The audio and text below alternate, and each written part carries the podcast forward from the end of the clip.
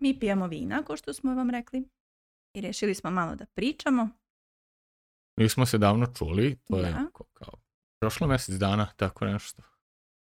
Od, od live definitivno mjesec dana, to jest od podcasta, a ja sam bio snimio jedan video od kad smo došli u Novi Sad, ali tu je negdje bilo početkom prošlog mjeseca, tako da tu je nekih mjesec dana sigurno prošlo od, od posljednjeg slušanja, gledanja i moram da vam kažem da je da mi je prilično nedostajalo. Da.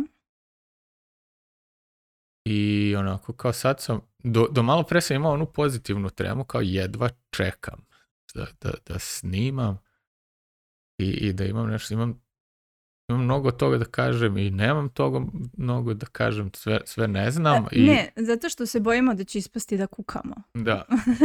Ali prosto nas je uhvatio niz takvih situacija da će stvarno zvučiti kao da kukavamo iako nam to nije namjera. Dobro, mislim, mhm.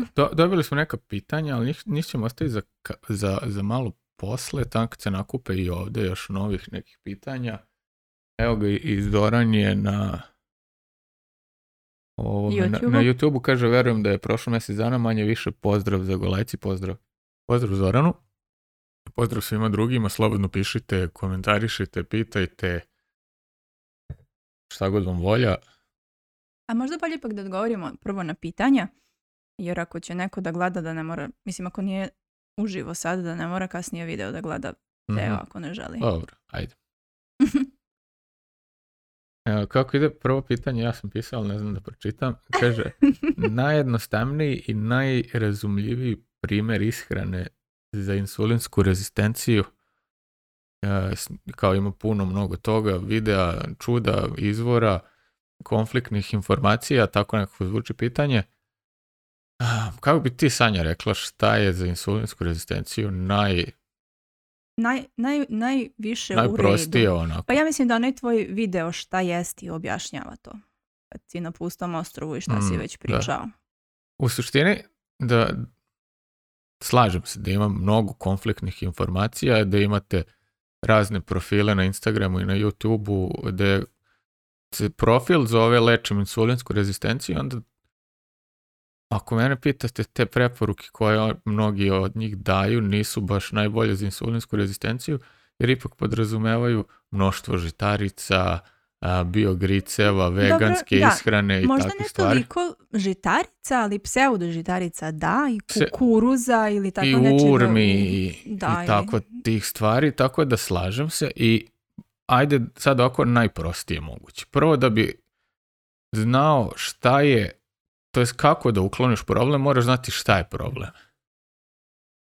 Insulinska rezistencija je ono što bi rekli in, in a nutshell je kada ovaj, kada tvoja ćelija odbija da komunicira s insulinom.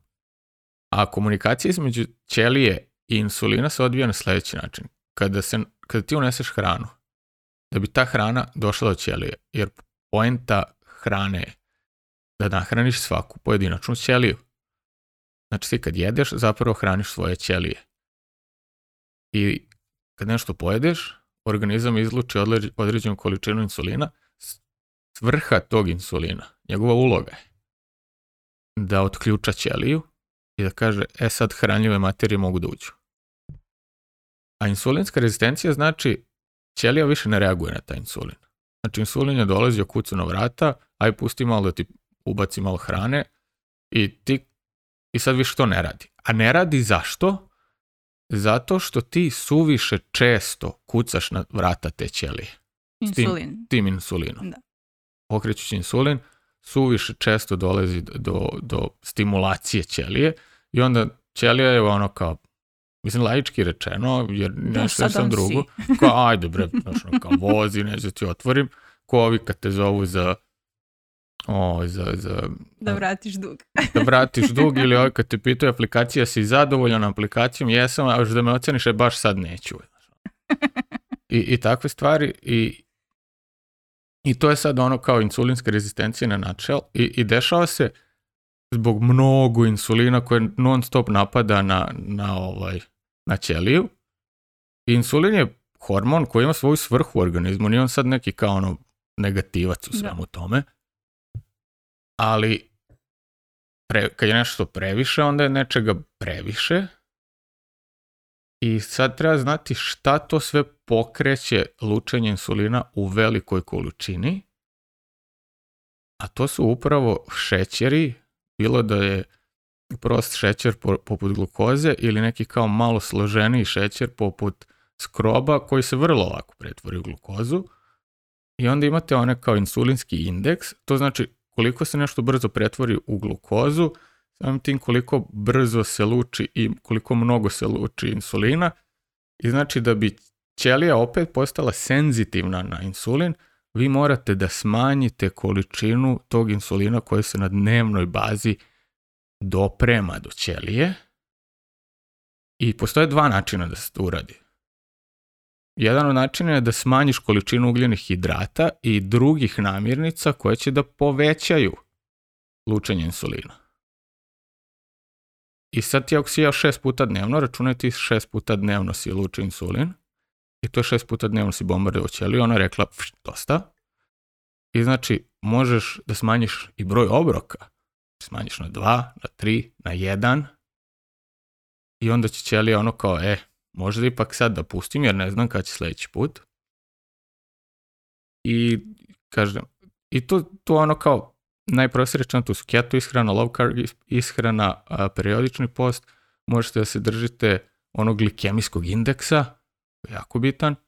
I ako iskombinujete od svega toga ponešto, to je bar od ove četiri stvari koje sam nabrao, ako iskombinujete dve ili tri ili sve četiri, e to je onda način da regulište insulinsku rezistenciju. Ne postoji samo jedna ishrana za insulinsku rezistenciju. Poenta regulisanja toga je da smanjiš količinu insulina, a i kad naučiš šta sve i u kojoj količini izaziva lučenje insulina, e onda ti tu možeš da manevrišeš kad ćeš i šta da pojedeš i ovo, i, ali stvarno, ne, ne mogu kažem žalosno ili tužno, ali ne bi trebalo da moraš da znaš kako sve to funkcioniš, da bi mogao da se hraniš, ali prosto izbor hrane koje, koje ti imaš u prodavnici je toliko loš po tvoj insulin i po da, da ti moraš sve to da znaš da bi dobro odabrao hranu. Uglavnom. Nije, baš najkraće, ali znate kako tu je sa mnom, ako, ako, evo ja ću, ako pratite ja, ja ću, ovaj show, ja evo Sanja Kako mi je rekla profesorica na fakultetu da sam lapidarna, pa ću da budem lapidarna. ako ne znate šta to znači, mi smo jedan čas, odnosno jedno predavanje od dva sata svaku desetu reč čuli reč lapidarno, pa, pa nam se urezalo u mozak. Izgooglajte šta je. Pozdrav profesoricu Sanju. Da, pozdrav za Sanju. ovaj, znači, najkraće moguće rečeno, ono što treba da radite vezano za vašu ishranu jeste da ne jedete često, znači do tri obroka dnevno, da što duže nemate obrok, to je oni 168 ili više, znači 16 sati da nemate obrok, i da vaši obroci ne sadrže mnogo ugljenih hidrata, pogotovo ne mnogo onih ugljenih hidrata koji naglo insulin.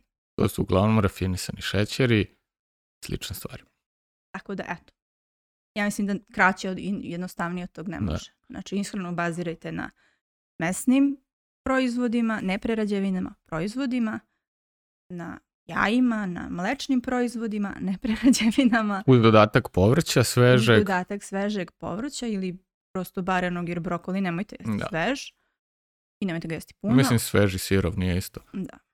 Pa dobro, to da. Ali bazirajte ishranu na što manje ugljenih hidrata i, i bazirajte ishranu na što manje obroka. Eto. Drugo pitanje je kako... Mršati na keto, keto režimu, mislim da isto važi i kao i za ono prethodno, jer sama gojaznost je posljedica insulinske rezistencije. I onda ako ti rešiš insulinsku rezistenciju, ti si rešio i problem gojaznosti, jer ti kad imaš insulinsku rezistenciju, telo, telo je jedan ovako prilično složen organizam i nema tu tendenciju da gubi ono što je već uneto, da, da, da sad se razbacuje sa, energijom, ako je to neophodno i onda će, sad ti imaš insulinsku rezistenciju i uneo određenu količinu hrane, telo neće to tek tako da izbaci i ono kao, ajde da sačuvamo za kasnije. Možda on sad ne treba, ali šta znaš šta će biti. I onda se to šalje u masne ćelije i koje onako kao samo rastu i bubre. I, i tako se goji. I najčešće prvo krene od ono visceralnih masti i, i onda se to širi dalje na, na druge masne naslage. I onog momenta kad ti rešim sulinsku rezistenciju, e, i, i kad si određeno vremena nekoj ishrani, bilo da je kalorijski deficit ili keto, ili jedno i drugo, ili post i keto i deficit i sve to kad iskombinuješ i kad kreneš da trošiš te masne naslage i kad ti metabolizam opet bude radio kako, je, kako nalaže da se radi, e onda u tog momenta će, ćeš i ovaj, početi da mršaviš. I, jer sve zavisi koliko si dugo bio u insulinskoj rezistenciji. Nije to nešto što se sad dobije za nedelj dana i sad kao za nedelj dana ćeš da rešiš, nego to stvarno ovaj, za, za takve stvari treba godina i, i to ono kao kad, kad si mladi, ne znam, imaš 18, 20, 25, 30 godina, i ono kao ja mogu da jedem šta hoću, nikad se ne ugojim. I onda odjednom kao vid ugojio sam se 10 kila. I, kao misliš preko noći, nije ti, ti gradio ceo život ako si, ako si ali insulinska rezistencija se desi onog momenta kao, e, ovo je kap koja je prelila čašu i sad nećemo više. I onda prosto moraš određen, određen period da provedeš radeći žestoko, prvo da se rešiš rezistencije i onda kreneš da mršaviš i onda kad smršaš, e, onda možeš opet da uvedeš kao što smo mi uveli, evo i vino, i, i uvedemo i, i dezert i ne, mislim doći ćemo i do toga u današnjem podcastu. Da smo malo preterali. Da smo malo preterali i zašto smo preterali i, i da bi to trebalo ipak da korigujemo i, i da se ono bolje vladamo time. Ali prosto su okolnosti bile takve i da to nije bio prioritet, ali kažem, dotaći ćemo se detaljnije toga, ali što se tiče ovog pitanja, ajde još da dodam, ako brojiš ugljene hidrate, što bi trebalo da radiš na keto ishrani, probaj prvo se 30 grama dnevno, ako ti ne radi smanji na 20, ako ne radi smanji na 15, smanjuj broj obroka, uvedi periodični post, sve to probaj i, što više toga primeniš, prećeš videti rezultate i nemoj da se vodiš onim, e, onaj moj drugar je smršao 10 kila za 7 dana, sad hoću ja i onda posle 7 dana ti nisi smršao ništa i kao kod mene to ne radi. Radi kod svakog, nego Radi drugčijim tempom. Ra- radi drugčijim tempom jer ono prosto zavisi koliko si zaglibio. E, mislim da je to, a? Što ti opet da sumiraš. I ja malo... Pa ajde da, da, da kažem. Pa nisi sipo nego... ovaj, te, evo pije vina, sad ćete čuti svega. Znači, pitanje je kako smršati na keto ishrani. Ako vam ne ide ono što vidite ove šarene recepte koje ja kačem ili bilo koji drugi food blogger koji se bavi low carb ili keto ishranom, ako vam ne idu takvi obroci, jer su stvarno šareni i stvarno treba se njima znati, treba početi sa onim osnovama keto ishrane i bazirati ishranu na, na jajima, na mesu, na tvrdom siru i, i sveže pripremljenom povrću, zelenom. I to je to. Znači ne, nema dalje, to je ono što ti treba. Znači meso bilo koje vrste, ali ne preterujte sa pilećim belim jer pileće belo meso nije masno meso. Treba vam masno meso. I nemojte da preterujete ili potpuno izbacite u početku dok ne vidite rezultate bilo koje orašaste prodove, bilo koje bobičaste voće, e, ne znam šta još može da smeta. Da se pretera da ni ne znaš da si pojeo a često ima u receptima mojim, jer prosto meni je, meni upalilo tako odmah, mm. jer ja sam se odmah i držala periodičnog posta i dva obroka sam jela, mi nismo brojali kalorije, Jela smo dok smo, nismo najeli, ali smo imali dva obroka dnevno u početku i oba obroka su sadržala šareniš. I ja sam terala sebe da jedem ono što ne volim, tipa škampe ili već šta smo spremali u Kini. Da, da. To nam je bilo dostupno. Znači, terala sam sebe da bude raznovrsno. Govedinu ti ne voliš. Govedinu i dalje ne volim, ali ću je pojesti jer znam da je zdrava i znam da je dobra. Iako ne volim tu reći zdrava, ali znam da je u redu da i treba da se jede jer u njoj ima ono što mene jako nervira mnogo više vitamina i minerala nego što ima u bilo kojem voću, povrću i koliko god je voće i povrće, nećeš uneti toliko ovih mikronutrijenata koliko ćeš uneti jednom šniclom govedine. to masno, jer u masti se sadrže vitamini. Tako da, ono što što treba da znate kako da smršate na keto ishrani ako vam ovi šareni recepti koje vidite svuda ne deluju jeste da svoju ishranu bazirate na čisto jaja, čisto tvrde sireve, čisto i ne previše i čisto meso i džigerica i šta već može. Da. Uz to da to sve spremate na masti svinskoj ili na puteru. u maslinovom ulju. Ili maslinovom ulju, ali maslinovo ulje možda bolje da koristite da prelijete salatu ako ćete jesti salatu, a pržite na masti ili puteru jer prosto je bolje. Iako nije loše koristiti maslinovo ulje za prženje, bolje je koristiti mast. Zato što bolje podnose visoke temperature. Da, tako da, znači, čisto keto je bukvalno to, životinsko poreklo plus uh, zeleno lisnato povrće. I ne više ništa dok, dok ne krenem da radi.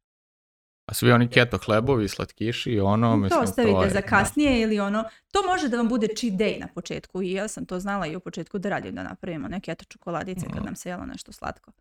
Dok nije postalo sastavni deo ishrane i vama će postati sastavni deo ishrane, tako da.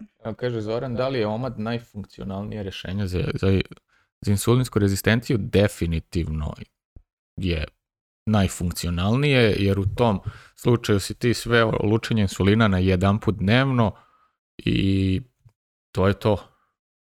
Plus ako uz omad i keto staviš to onda minimum insulina u toku jednog dana i ti si za par nedelja rešio insulinsku rezistenciju ako ćeš izdržati svaki, svaki dan na omadu. Ne, prilično to agresivan početak za, za neko koje još 6-7 puta dnevno, sad ću kao na omad, mož, m, 100% ćeš da se mučiš prvih, ne znam, nekoliko dana i bit ćeš gladan i ovo, ali kad se adaptiraš na takve stvari, onda, onda, onda stvarno ovaj, to prilično lako ide i, zapravo se bolje osjećaš ako ješ jedan put, dva put dnevno, nego kad ješ 5-6 puta. Tako da da, složio bih se s tim. Sa, usaglasio bih se. E, treće pitanje. Treće pitanje je koliko post pomaže kod stresa? Pa ja nešto nisam siguran da... Opet ću ja, ono što sam primetila, što se tiče samog stresa, prvo zavisi od samog stresa i kako, ta neka situacija nije za svakog stres isto i nije za svakog ista situacija jednako stresna ili može nekom da ne bude uopšte, o nekom jeste.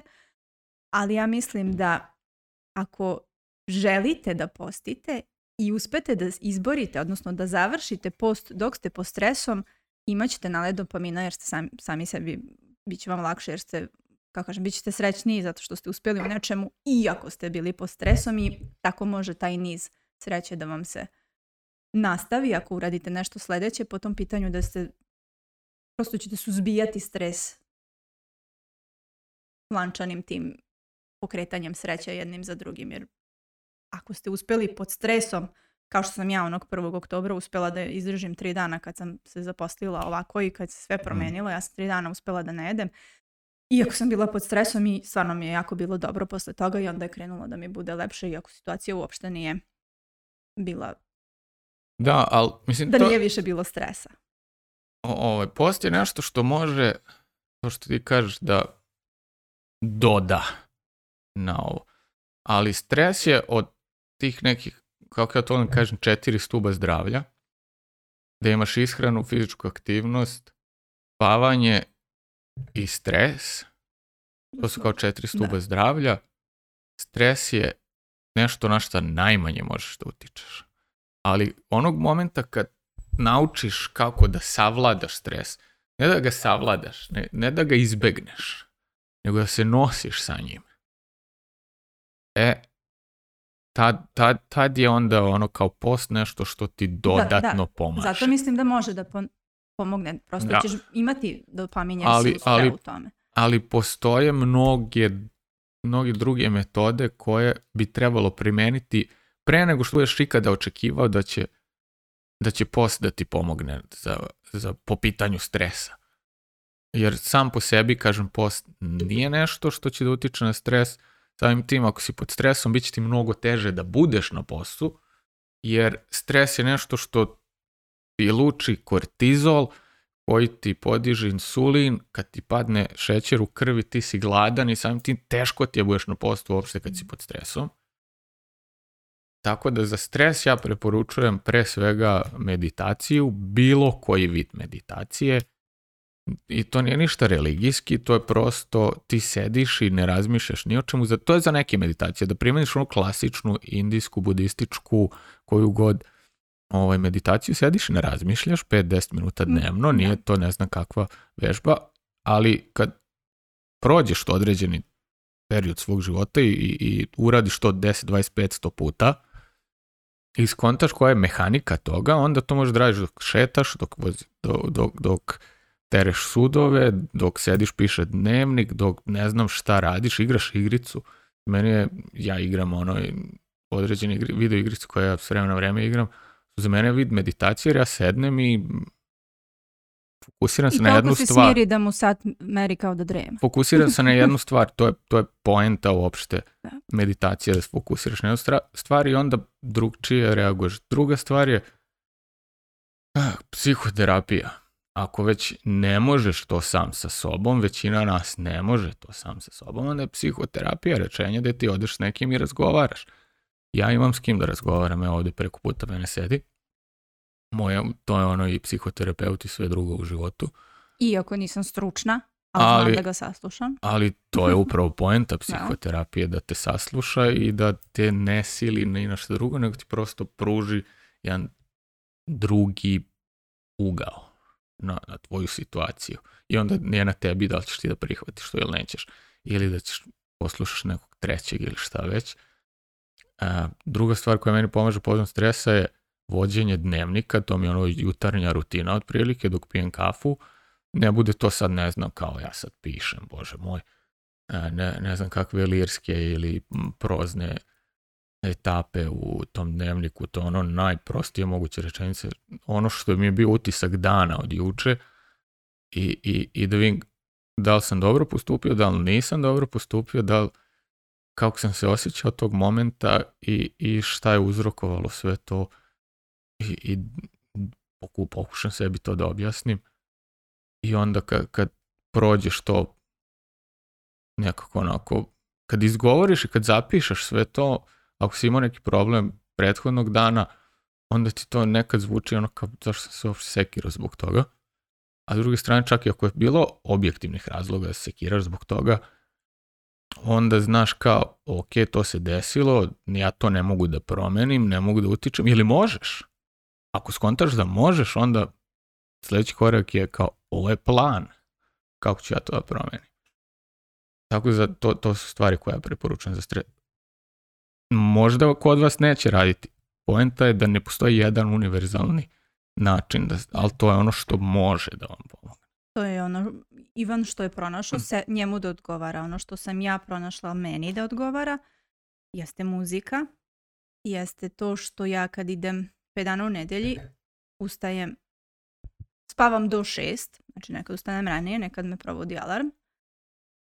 U 6.30 sam već izašla iz stana, imam slušalice u ušima, muzika koja mi tog trenutka prija vira.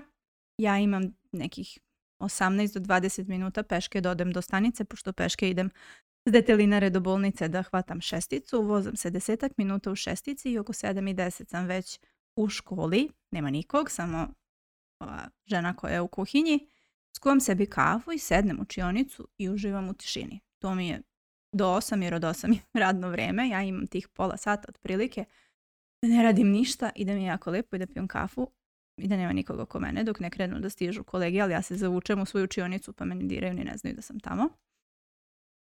I to što ja volim da radim jeste nakon posla, sad je krenulo kad sam do, došle nove kolege, da idemo, sat vremena nam treba peške sa Adica do detelinare, nas četvoro idemo peške kući i ja ne znam da li postoji dva minuta da se mi ne smejamo kako budale. Ali to je moja terapija i ja stvarno volim da se družim s njima i, da se smejem i da, što bi rekli, pustimo mozak na pašu. Znači da ne razmišljamo o onome što, što mi čini, što mi daje stres i da se prosto moje telo oporavi u tom trenutku jer sam srećna, jer mi je lijepo. Isto tako da provodim vreme sa Ivanom i Natašom, ali to u tih pet dana mogu. Ali ja vikendom dosad smo to tako radili. Tako da meni je ono što mi pomaže u toku stresa. Kada sam pod stresom, a inače radim skoro svaki dan, ja se da slušam muziku, ja se družim.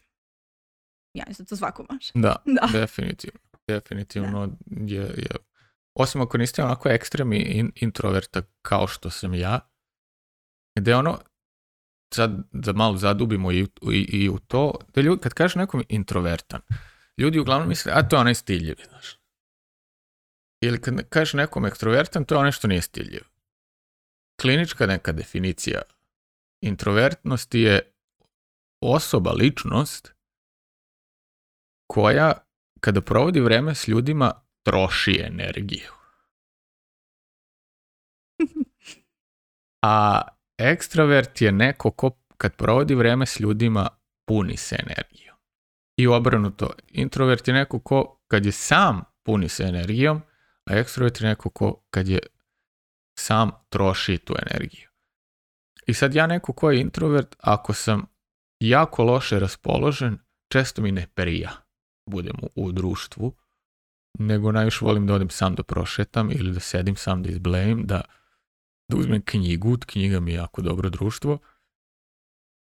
I ovaj, tako da i to morate da pronađete. Da li vam odgovara da pravite vreme s ljudima kad ste pod stresom ili ne?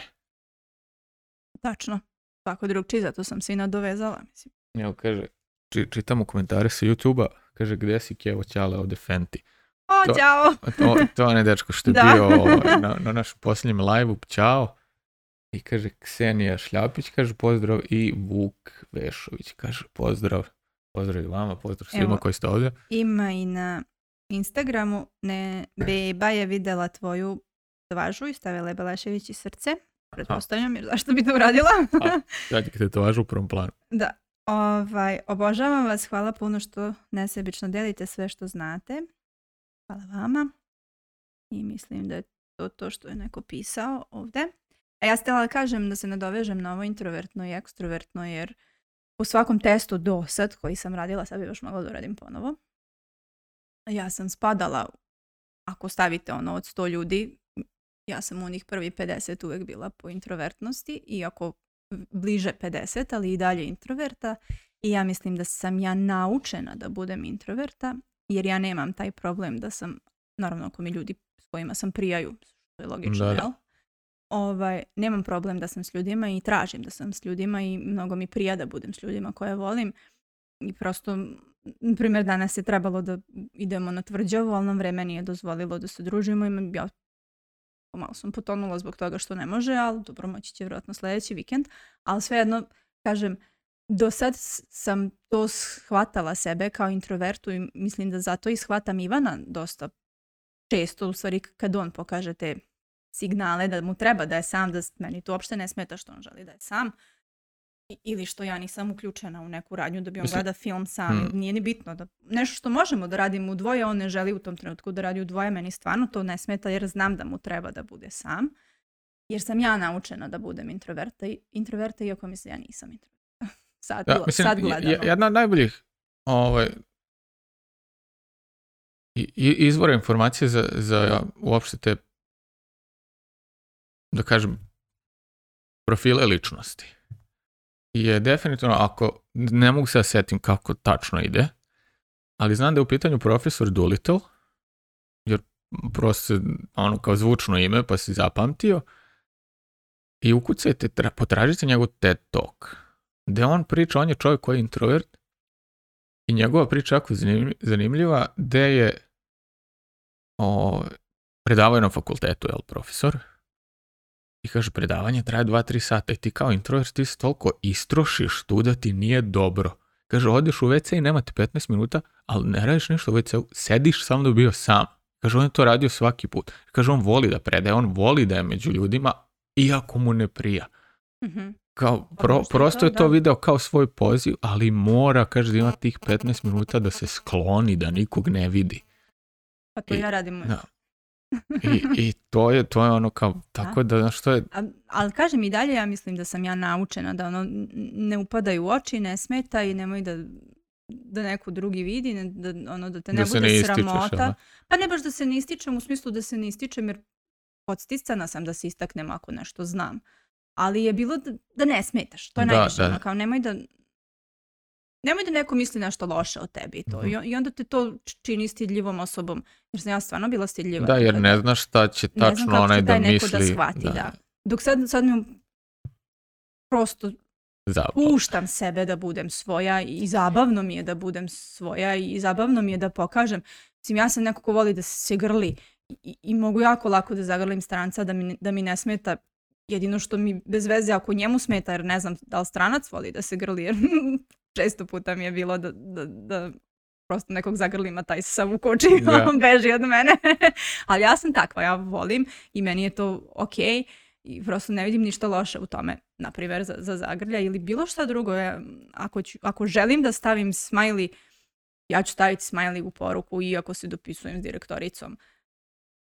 Znaš, ono, da to je deo mene, ja moram tako, mislim, meni je tako, ne, ako ne štetim tebi, mislim, zagrljem mogu da ti štetim ako ti to ne voliš, zato kažem, sam ga pomenula, ali ako ne štetim tebi u smislu da ću ja staviti onog što plače od smeha, ako sam nešto napisala, ja ću stavim taj što plače od smeha, pa bio ti bog, mislim. Tako je. tebi to ne, neće ti škoditi. To hoću da kažem. Puštam sebe da budem svoja i znam da sam detinjasta i volim da što sam detinjasta i volim da igram na ulici i kad držim te slušalice u, u ušima, ustima, u ušima, često mi se desi da krenem da... često mi se desi da počnem da cupkam. Još nisam počela pevam, to mora biti zanimljivo sa slušalicom ustima. Ali opet, na ušima. opet, nemojte, slušati Sanju povodom njenih savjeta gdje se drže slušalice. Znači kažem budite svoji ako to drugima ne štete. Pa taman držali slušalice u No, niko ništa nije pisao, rekla sam šta sam imala. Eto. ne znam kako smo došli do ovdje, ali eto. mislim, dobro, hajde. Da. je jedna tačaka dnevnog reda ovog podcasta od, posle mjesec dana je, ko je pogledao posljednji naš video, ja znam da jedan broj vas ovo sve redovno prati, komentariše i ovaj, zna, znamo da smo, sam ja rekao da ću budem na izazovu 28 dana, da neću jesti šećer i ko je pogledao taj video, za one koji nisu, evo ja ću ukratko to da opišem, Sanja je tad bila bolesna i čitav taj video negdje sam i, i pokazao i kako sve to izgledalo i, i nismo znali šta je u tom momentu i Nataša jedan dan bila bolesna i ja sam jednog dana odlučio, e kao sad sam vidio kako je njima kad su bolesne i, i negde sam sebi rekao to je sve zbog toga što smo jeli kako nije trebalo prethodni period jer bi inače imunni sistem bio dovoljno jak da, da, da si ti njega hranio kako je trebalo i odbranio bi se, međutim i mene je to stiglo upravo dva, tri dana nakon snimanja tog videa i ja sam bukvalno nakon toga bio jedno 10 dana baš onako bolestan. Dva dana sam imao temperaturu i preko 39. Gde onako, iako to ne savjetujem nikome, nisam otišao kod lekara. Jer ja idem kod lekara otprilike kad me odnesu tamo. I tako da sve to na kraju prošlo kako je prošlo, završilo se, ali ja sam tih dana izgubio apetit. Posebno tog prvog dana kad sam bio bolestan, a i narednih 5-6, ja uopšte nisam imao apetit.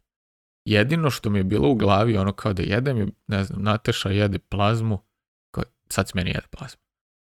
A znam kao pre tri dana sam snimio video, rekao sam neću jesti ništa slatko. I ono kao, a, dođe ovo i, i odem i kupim i, i sebi plazme i, i, dva dana sam jeo samo plazme i mleka, onda sam jeo i tortilja čips i, i bukvalno sam prešao svaki dan da posle, da mi drugi obrok bude totalni junk. Znači ja odvedem Natašu u vrtić i kad se vraćam iz vrtića svratim u prodavnicu i kupim neko smeće. A inat od vrtića do stana ima koliko? 12 marketa. 12 minuta i 12 marketa. Da tri onih mini marketa, ima pet trafika, ima roda i, ima ideja s koje god strane da idem, ja ne mogu da, zaobiđem prodavnicu. Jedino ne znam da iskopam neki tunel da kroz to i tu bi neko stavio trafiku. Tako da, ne, naš, i, i samim tim ne, nekako nisam imao volje za bilo čim i tako da moja iskrena svodi je to da imam jedan obrok karnivor gde Nataša i ja jedem mese i jaja manje svaki dan za, za ručak. Nekad samo mesa, bez jaja. I onda drugi obrok moj bude smeće. I ono što sam uveo u praksu je da, ne znam, popijem ili jedno pivo posle tog drugog smeća obroka ili, ili čašu vina ako, ako Sanja hoće da, da to popije. Nije, nije nešto čime se dičim i nešto što preporučujem, ali prosto ovog momenta moja ishrana izgleda tako, a vjerojatno će uskoro saznati i, i zašto ja mislim da je to tako. Da ja kažem kako moja ishrana izgleda.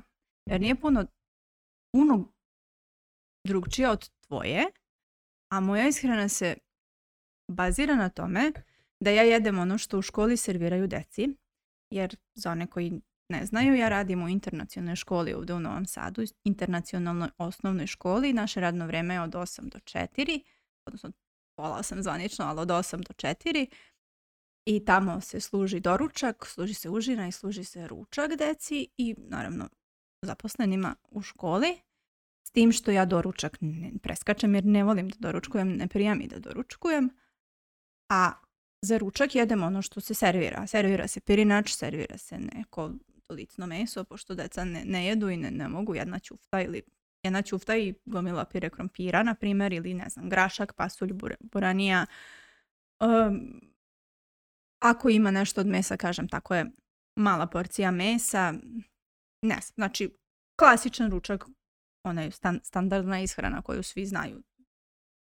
Pretpostavljam po, po pravilima za decu, koje nećemo komentarisati.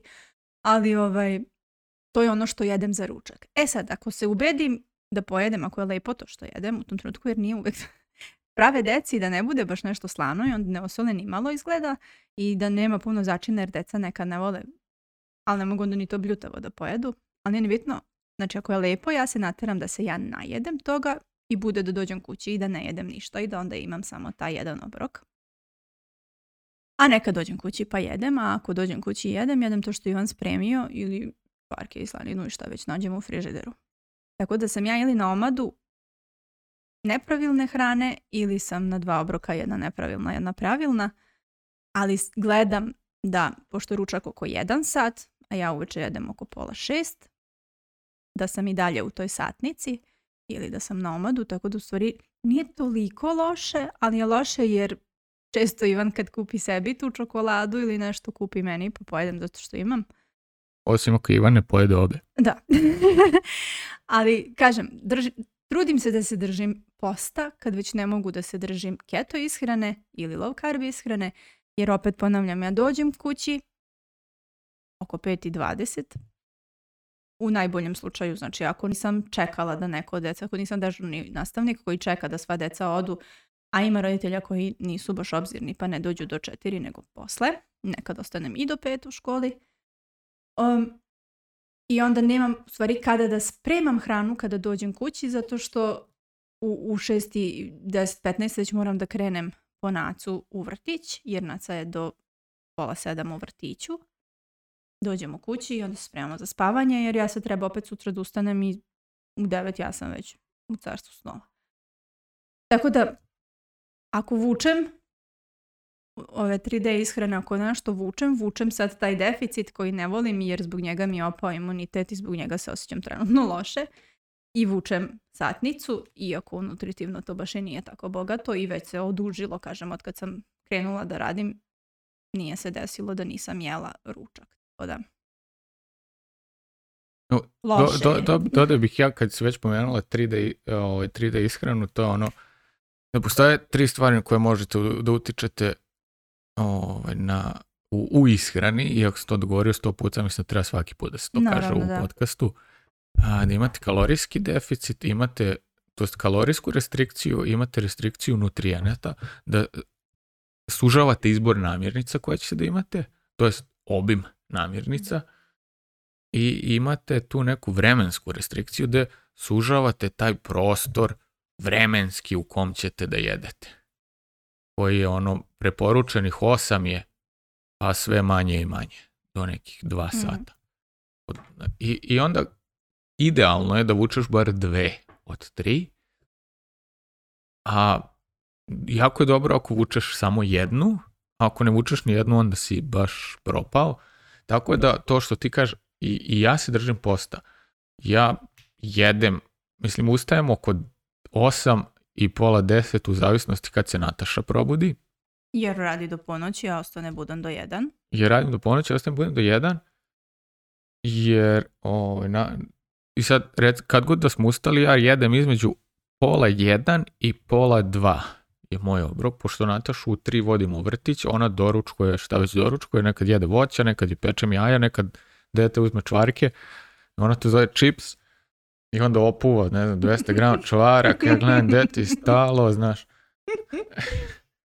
I ovaj, tako da post je nešto čega se u 90% slučaja držim. Ne toliko koliko ovih prethodnih godina, jer desi mi se jednom nedeljno, ne znam da najčešće ako ne izdržim post, nije da nisam izdržao post, nego sam kasno uveče popio pivo. Tipo u 10 uveče sam popio pivo. Zoveš koji, rade sa mnom i gledaju sad ovdje, da me neko odruka. Ovaj. Znam ja koji gleda. Ćao Marko. Ne znam je li došao do ovdje. Jel Marko? o, ka, i u, u svakom slučaju, eto, i, i onda ako mi se desi, to bude nekih 14-15 sati između tog piva i prvog obroka, i kažem drugi obrok je ono kao smeće, i to je to, ja se završio. I desilo mi se jedno da sam, ne znam, da je tu već uzeo neke, da grickam neka čuda, neke, kupio sam neki party mix, ja sam to je, evo, neko sranje. Dok ja spavam, ti tako. Da. da. šta da Uglavnom. I tako da držim se, eto, kao i bar jedan taj kanap vučem tu jednu pologu 3D ishrane i, i često sam i ja u, u, kalorijskom deficitu i tih, čak i kad jedem ta sva čuda, tu je to je negdje oko 100 grama ugljenih hidrata. Mm. period uzmi manje više. Tako da nije idealno, ali tako ja balansiram. Što ne znači da ćete i vi moći tako da balansirate. Što ne znači da je to dobar ban. Što ne znači da se ja neću razboliti. Što ne znači da ja neću opet razbiti insulinsku rezistenciju. Ali trenutno mi tako odgovara i to je, verujem da je trenutno ovo najbolje što ja mogu izvučem iz sebe. Zbog situacije, da, u kojoj smo. I evo kaže, ovo, ovaj, Zoran ima dva pitanja. Čitamo, nadam se se čuje ovako kad se nakrivi. Kaže, koliko je govedine supermarketa manje zdrava od one na selu? Ako imate neku predstavu o tome, volio bih da čujem. E sad ovako. Da je ova na selu, posebno ako je hranjena trava, bolja, bolja je. Ali to je sad već pitanje ono kao s čim bi sad to mogli da uporedim. Recimo, kad jedeš burek za ručak, koji ima kao nešto malo govedine, mnogo testa i one maščuge, i kad jedeš šniclu, mnogo je bolja šnicla od bureka. I recimo, i sad, ako je ta šnicla goveđa, ta neka iz supermarketa koja je hranjena kukuruzom i, i, i koje čime, i dalje je bolja od bureka. Ali ako ćeš to, tu šniclu da zameniš nekom šniclom sa sela, ono grass fed, koja je četiri puta skuplja, nije toliko bolje koliko je bolje ovo od bureka. Uglavnom, u... najlošije meso i dalje mnogo bolje od nečega što da. nije dobro. Nije dobro kad je to, ne znam kako, žestoko obrađeno u nekoj viršli, to onda nije dobro.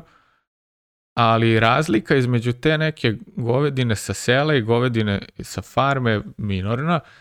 Razlika je u nekom procentu omega-3, omega-6 odnosa, da je ova sa, sa farme, sa, sa sela, sa salaša, odakle god, sa pašnjaka, ima mnogo više omega 3 što je ono što nam treba, bolje omega 3, omega 6 balans. I, I to je možda najveća razlika u tome. Ali i dalje je to govedina. Čak i ona koja je hranjena kukuruzom. Što je ovaj jedan rekao, kaže kukuruz je trava, to je dalje grass fed. Da, za oni koji nisu znali iz biologije, kukuruz pripada porodici trave. Tako da ono kao ne znam što je lošo u kukuruzu. I dalje je to govedina. Problem je ako je to, gove, ako je to meso porekla, nečega znači paš će mi kamera dođe. Mačak hrče. Ako je to nešto što je ono pucano nekim hormonima i antibioticima, je onda je problem. Ali ako nema hormona i nema antibiotika, kao jedi, brate. Nema me zezati. Da, evo kaže, Kaj sve će mi popadati ponovo. Da se okrenem. Mhm. Evo ja. Anči Anči kaže, sad mi je laknulo i ja zabrljam svaki peti dan. Jedem smeće, na pravilnoj liniji ishrane sam, a bila sam pet mjeseci na sirovoj hrani, keto mi ne ide, baš, baš ne voli meso. Super ste, recepti su vam dobri, pozdrav. Ako sebi nađe balans, naravno.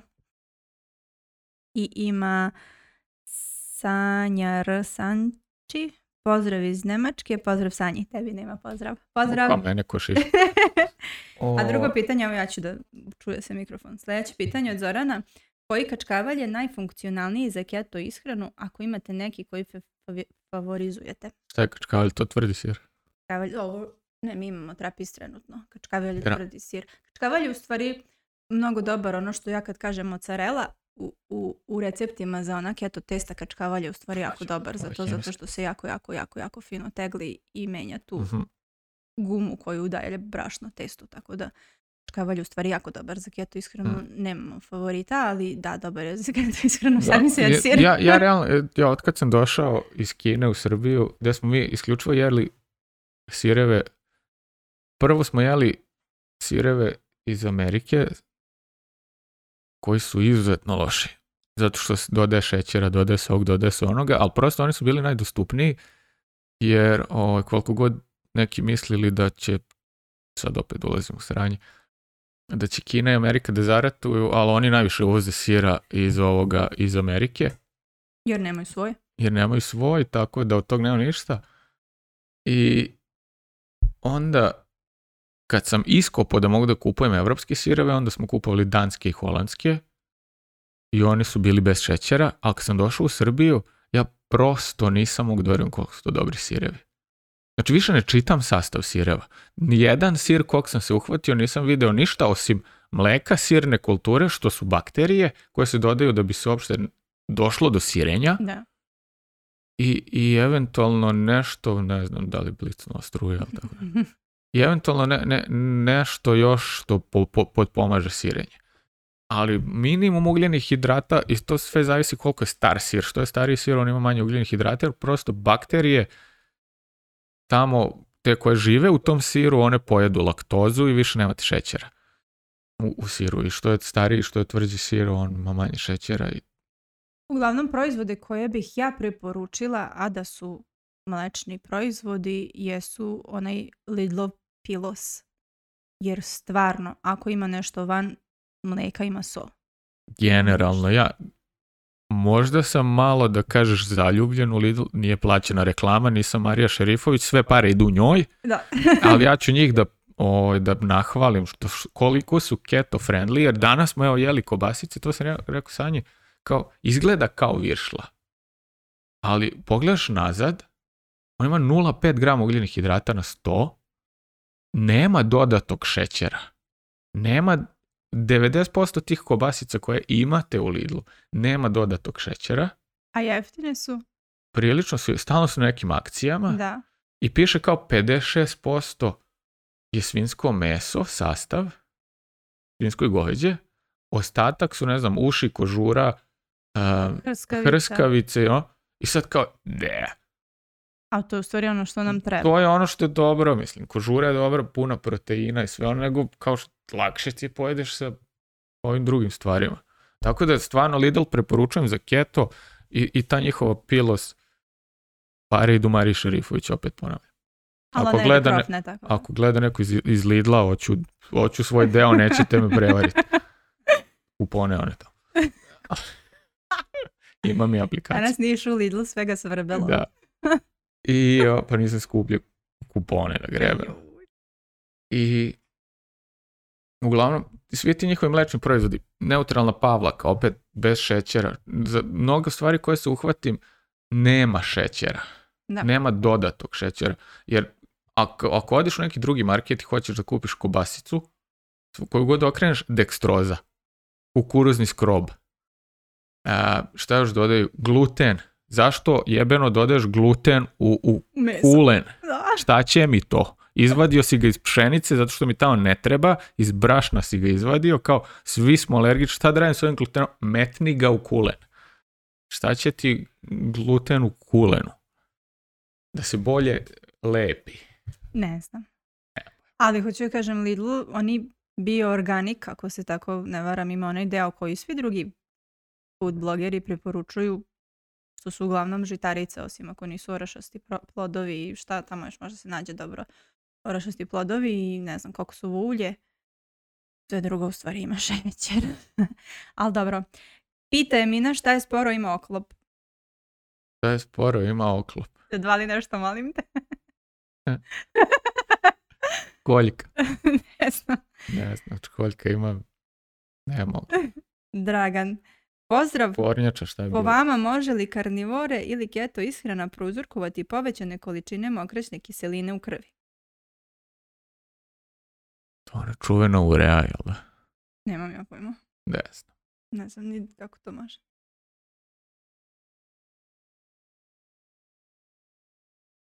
Ne znam, mislim, to, sam čuo negde od onoga doktora Ivanova pre jedno dve godine da se povećava urea u krvi.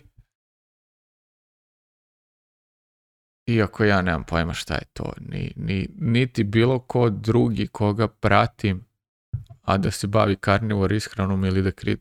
Uglavnom ti ljudi koji kritikuju karnivor ishranu nađu tako neku stvar, a niko drugi to ni ne pomene. Mislim, ima i, s jedne i s druge strane raznih ljudi koji pokušavaju nešto da vam uvale i da, i da vam prodaju i, i, i, i koje šta ali iskreno, toliko je nekih dobrih rezultata što se tiče te karnivor i, i keto ishrane po pitanju popravka metaboličkog zdravlja,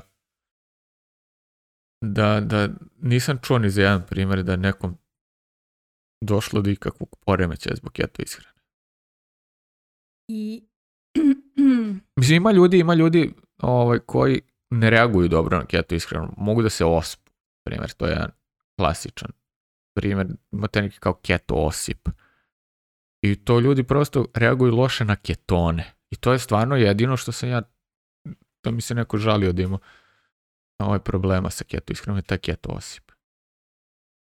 Da, i, mm. i, zatvori neki eventualno, ali to je ono kao dok, dok se navikneš malo, dok ne da, promeniš floru. Da, flora u crevima ne promeni to. Da, i dok ne, ne skontaš koja ti je doza magnezijuma neophodna za, za to. Mm. Ali što se tiče ureje i, i, mokraćne kiseline u krvi, ne znam, stvarno, niti sam stručan da odgovorim na to pitanje, niti, niti znam za takve nešto. Evo, ako sam malo s Instagrama. Kaže, čekaj, čekaj, čekaj, s Instagrama prvo. Insta... A prvo ovo Instagram je bitniji. Pa nek šta? Nije, nego je ovo redom idem. Aha. Ovdje se pojavilo pre. Ajde. A kako znamo da li se u mesu nalaze antibiotici i hormoni? Kako znamo da li se u mesu nalaze antibiotici ili hormoni? Pa najčešće vam niko neće reći. Najčešće vam niko neće reći, ali ako okrenete bilo koji proizvod koji ima svoj sastav i počnete čitati razne čudne reči brojeve, to je verovatno to. Mislim, to, sad već morate znati da li je, ko je uzgajao tu stoku. Jer najčešće antibiotici se daju u sto, stoci, jesi kažeš stoci ili stoki, sad ono, kao seljak, ne znam, Mački mački je isto, pa kontam da je onda tačici, da, pravilno, kao, ja, čim ja bavim. o, šta mene brine, kao, ali sad, a, ovaj, u, uglavnom se na tim nekim farmama kojima je isključivo stalo do profita, znači velike, velike farme, gdje krava stoji ovako, krava do krave, krava do krave, samo glava u valovu i ništa drugo, to ne može se kreće. I onda da je glava, tu je dupe, da je dupe, tu već krava radi šta radi i on tu mnogo bakterija i onda im oni unapred daju antibiotike da, da se ne bi zarazili. Ako viš kravu da je pasla negdje na ovom, tad krava sigurno nije dobila antibiotike ili hormone. Kravama se isto daju hormoni da bi da bi se povećao taj estrogen, da bi davali više mleka.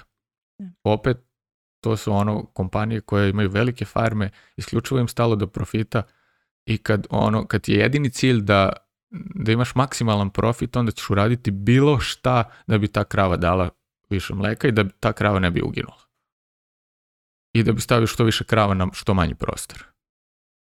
A ako je ta krava uzgajana, kažem opet, tu kad ulaziš u Novi Sad i, iz ovoga, s autoputa koji je to...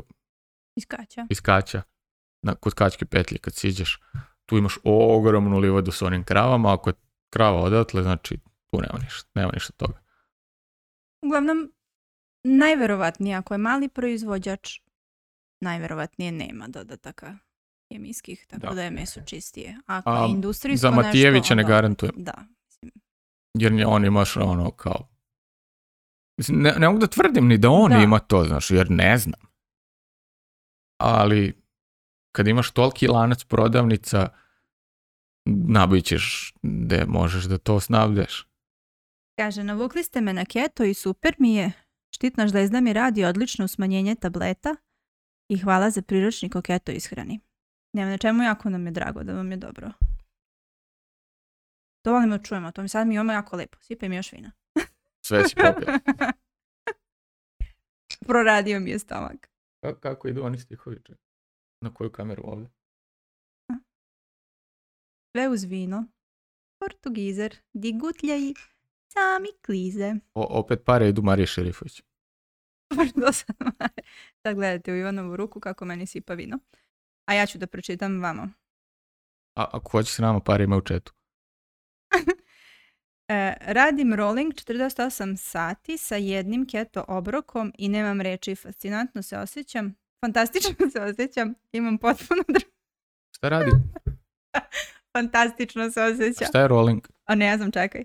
Imam potpuno drugačiji pogled na hranu, imam osjećaj da su tri obroka dnevno i užina između samo marketinški trik korporacija, PS keto štrudla razbija koliko je dobra. Ne verujete se, ja samo tad kad sam objavila taj recept pravila tu keto štrudlu i nikad više moram ponovno. Ivan je i zaboravio sam pravila. Sećam se, kao, kroz maglu. kao da je bilo nekad.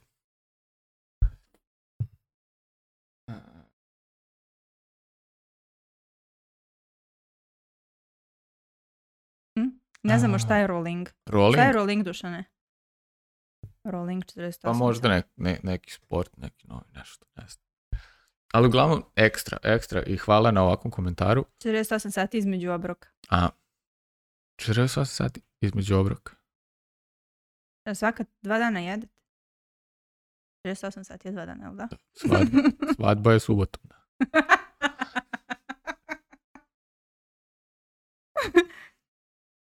O, da, da. zanimljivo, prvi put čujem za ovaj koncept, za rolling, za tako nešto, ali jako mi je drago da čujem da je neko pronašao nešto što mu odgovara i da smo mi koliko toliko pomogli.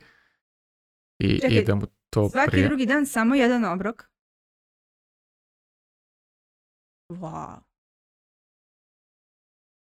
Da, mislim, jeste stvarno ono kao zapanjujuće. Da. U ponedjeljak u 12 obrok i onda sreda u 12. Wow, dušane. Morat ćemo to da prvo. E, neko je rekao neki novi izazov. Šta je tamo? bilo? Pa pita, pi, pitanje tu. A. Zaostaješ ti. Može li neki izazov? Može li neki izazov? Da. Šta? Da se izazivamo. Pa eto, Ivan je hteo pa mu propalo, ali mi, mi to nismo da, da, da, da se organizujemo. Možda bi sad mogli ali mislim, još uvijek se mi nismo organizovali sami da. s sobom. Opet osjećam to za kraj. Da. A, ah, jel imaš neki pitanje? E, znači, krava sa pašnjakova je bio krava. Bio i bila, krava i još uvijek je krava i, i bit će krava. Organska krava, da. Da, organska krava, to kažu organska krava. Ali tu, tu sad postoji čitav taj koncept neko se tu bio teorije zaveri, onih pet obroka dnevno i svega toga, je to kao da, marketički, korporacija. baš kao i doručak, kao najvažniji obrok.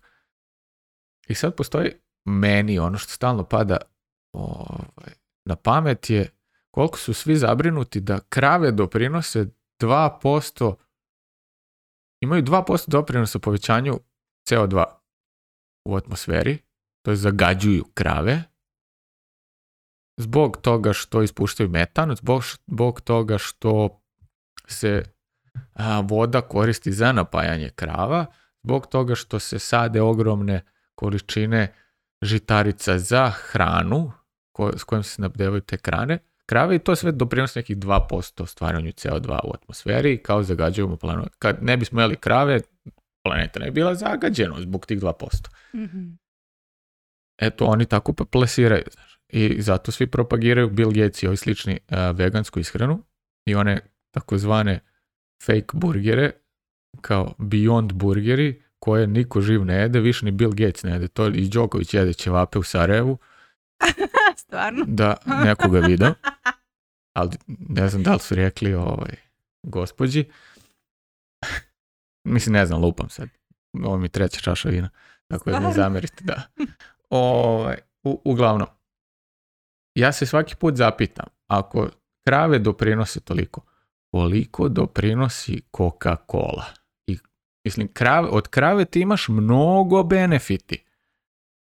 Koliko imaš benefiti od Coca-Cola? Koliko se vode zagadi Coca-Colom? Ili bilo kojim drugim sokom? Ti si sad otišao?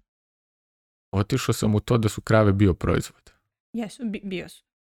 Sa pašnjaka krava je bio proizvod. Da to jest meso je I poenta svega toga da postoji koncept regenerativne agrikulture kakve reči, čoveče.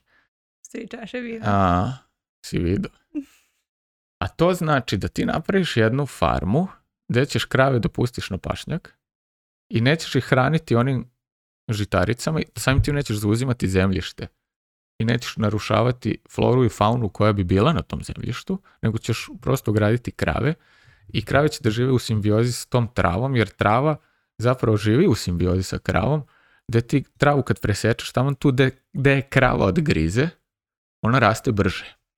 I to, to imaš kao neki pospešeni rast trave tu kad je pikneš. De, dokle krava ustima možda je o, zubima. ali koliko usta dok dođu do zemlje, gde su zubi, mm. ostane do 2 cm, tu sad trava raste najbolje.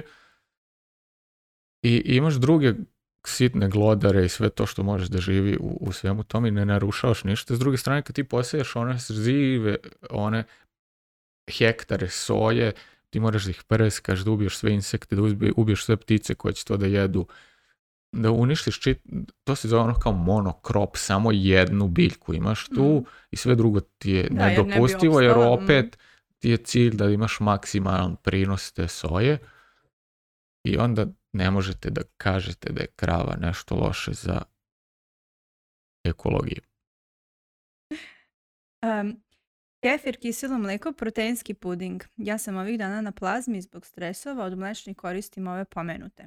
Kefir i kiselo mleko su u redu, a sa proteinskim pudingom bio malo... E, ja sam vidio to. Usporila.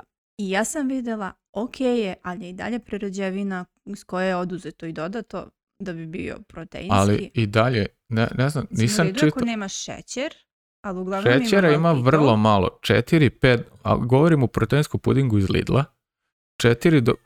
Čitao sam sve, prešao sam literaturu. Ako se sad ne varam, a moguće da se varam, ima oko 4-5 grama ugljenih hidrata na 100 grama, pakovanje tog proteina je, proteinskog pudinga je 20 grama. Problem je što su izvadili mast ali i dalje nije problem.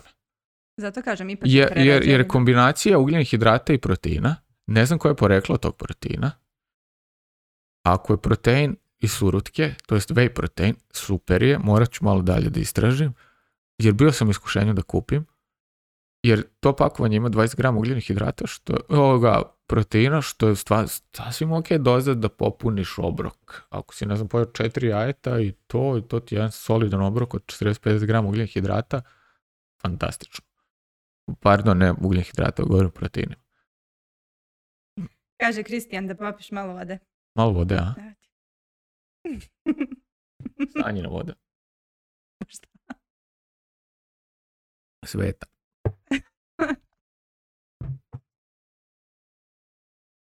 E sad dobro. o, da vidimo šta sad kaže. Ivan, uzmi malo vode bez pa, kole Pošto pričaš o koli i kravama. Mm. da vidimo šta ima na Instagramu. Na Instagramu. E, kaže, pomenuti proizvođač mesa možda nema hormone u mesu, ali mu radnici puše u hladnjačama dok izdovaraju meso. E, Blago njemu. Dobre ljudi. wow. A to je, to je sad već dimljeno meso. To ti... Fino. I nema, nema ništa više od, od pitanja. Ja mislim da sam sve pročitala. To je to. Što mhm. piše ovdje. Sad ti da se vratiš na tvoju priču. Moja priča. Da, tu te teze što spisao. Moja teza, da. Pomiću ti ja to vino šta fali? Sad malo mi je nakrivo ovaj rukopis. Uglavnom, ono što smo pomenuli jeste da mi je propao na izazov od 28 dana bez šećera i nadovezao bi se sad na to. Ja, ja sam imao te izazove ono u Kini kao 28 dana bez šećera, pa te ovo, te ono. al brate, to je lako u Kini. Ovde ja kad prođem pored one, ima tu neka pečenjara dole, dole ispod sača pite. Reklama besplatna. Pijakjer u Rumenočkoj do. Sanjam te pite koliko su dobre. Ono koliko ja volim testo i sve to. Onda odeš kod ovih, kod onih, svi neke kiflice ti nešto umese, ja znam da voliš. Pa ovo, pa ono. Znači, ta izazov 28 dana bez šećera u, u ovome, u, u Srbiji uraditi, to je ono kao... Svaka vam čast. Svaka čast. Kogo da je to izveo, ja još nisam izveo. Što ne znači da nećemo u budućnosti, jer mi smo malo željni nečega što nismo u Kili, Kili, Kini imali. A to jedino da odem protestujem s ovima na šordoš, pa kao jedan golubove što uvatim tamo, ako ih oni nisu sve izeli, ja ne znam šta ljudi tamo tri meseca žive ili koliko već u šatoru. Sad kad malo za zimi, pa će doći ako, nisu, ako su im uključili grejanje, ako nisu ostaći tamo. Ali uglavnom da o, ovaj, taj izazov je propo, jako je teško to urediti u Srbiji i mislim da bismo možda i uspeli to jest jasno sam to sebi postavio, ali hoću da kažem da ni do čega ovog ne bi došlo da, nismo na, da se nismo našli u, u situaciji u kojoj smo se našli. A našli smo se u situaciji da ono kao ima se određene planove, konačno smo oboje počeli da radimo, konačno opet imaš izvore prihoda ne kakve si imao, ne znam, pre godinu dana, ali kad uzmeš u obzir i, i da smo negde od novembra kad pali na part time i da je to bilo preživljavanje u Kini. I ono kao, do jedva da si ostao na nuli da, posljednjih 5-6 mjeseci mhm. boravka tamo, a kamoli da si nešto zaradio. Sad smo čak u boljoj poziciji nego što si bio prošle godine u novembru u Kini, kad, kad, kad, kad smo ono, ti si radila za ne znam 20 evra nedeljno, a ja sam ono kao imao par time od 1000 evra, i to je to. Gdje si sada ono kao tu negde, na, na tom, ako izuzmeš inflaciju. Ali u suštini, sad kao konačno smo došli oboje do, do, do, do izvora prihoda i mislim Sanja voli da radi u školi i da preda i sve to. I njoj to nije stres. Ja nije da ne volim ovaj posao. Mislim, stvarno jako dobra ekipa na, na ovom mom poslu. I, I sa svima sam dobar. ja ostanem posle smene sat, sat, sat, sat i po nekada ono da blame sa ljudima na, na ovome Google Teams, Google Meet. Sedim, ja igram igricu, oni rade i onda kao sedimo lupom gluposti. Zašto mi stvarno dobro? ali posao, mislim, ja sam takav, ono, kao komplikovan, ja volim da to ima neki značaj, da ja sad kao nešto tu radim, da će to nekom pomoći, i onda kad mi stigne ovakva poruka, kao što mi stigla danas, kao da je zbog mene prešao ja tu iskreno, kao promenio mu se život. E, to meni, to je meni ono gušt da čujem, da se ja na nekog utjecao, nekom nešto pomogao ili prosto da sam mu otvorio neke vidike, nisam ja morao direktno da utičem, mislim, on je to sve sam dečko uradio koga da je u pitanju. Devojka žena, da. Devojka žena, ne znam. Ove, ovaj, ali bitno mi je da sam tu negde kao pri pomogu, pridržao, znaš, tu sam da pridržim. A taj posao koji radim, znaš, kao, nije baš da imaš tog elementa. I onda je to kao mali stres. A ono što je najveći stres bio je što smo iznenada, bez ikakvog plana, nadanja i, I, i bilo čega dobili ultimatum od mjesec dana da siselim. I ono kao, jebote, ćeš? I... Da, nije samo preseliti se, to je bio i najmanji problem. Čim smo našli stana, našli smo ga za dva dana, treba preseliti stvari, treba nacu prebaciti u drugi vratić, treba A tamo je krenula, vratić, je krenula, adaptirala se, sad treba to sve ponovo. To je sve jedno za drugim išlo onako u negativnom smeru. Mislim, nije nam se dopalo, pa nam se nije dopalo, ali smo se izborili s tim. A, da ne pričamo da smo tek pre šest meseci došli iz Kine, da si proveo ipak ono 5-6 godina i da si navikao na jedan način života, taman si došao ovde kao si se malo asil, asimilovao nazad i sad jednom ta promjena ono kao šok u glavu, kao šamar da ti neko zuno mm. i sad ti treba da ideš i kao koja je najbolja opcija u Kovilju, kao idealno bi bilo kao da smo ostali u Kovilju, ali ne možeš naći stan tamo, jer onda ne mora da meneš Nataši vrtić, ovo ono, znaš koliko u Novom Sadu teško naći vrtić, jedva smo, i jedva smo uspeli da I imali smo sreće da smo našli ok stan za ok, ok novac. Odlično I, gazdu.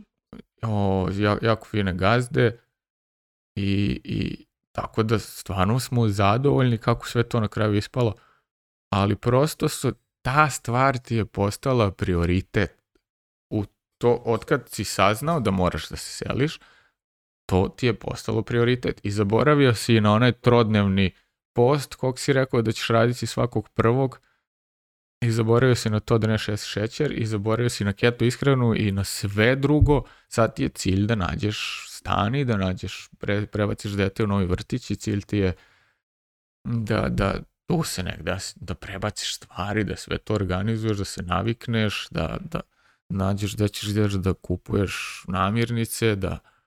Prosto adaptacija ponovo, adaptacija. ponovo ispočetka. iz početka, mislim. I, I onda ti, kad, kad sve te stvari moraš odjednom da radiš, nekako nemaš vremena da razmišljaš što tome kao da li sam pojao šećera ili nisam, još sad ću jedem, šta mi je najbrže? Zato što imam to stvari još u toku dana da odradim.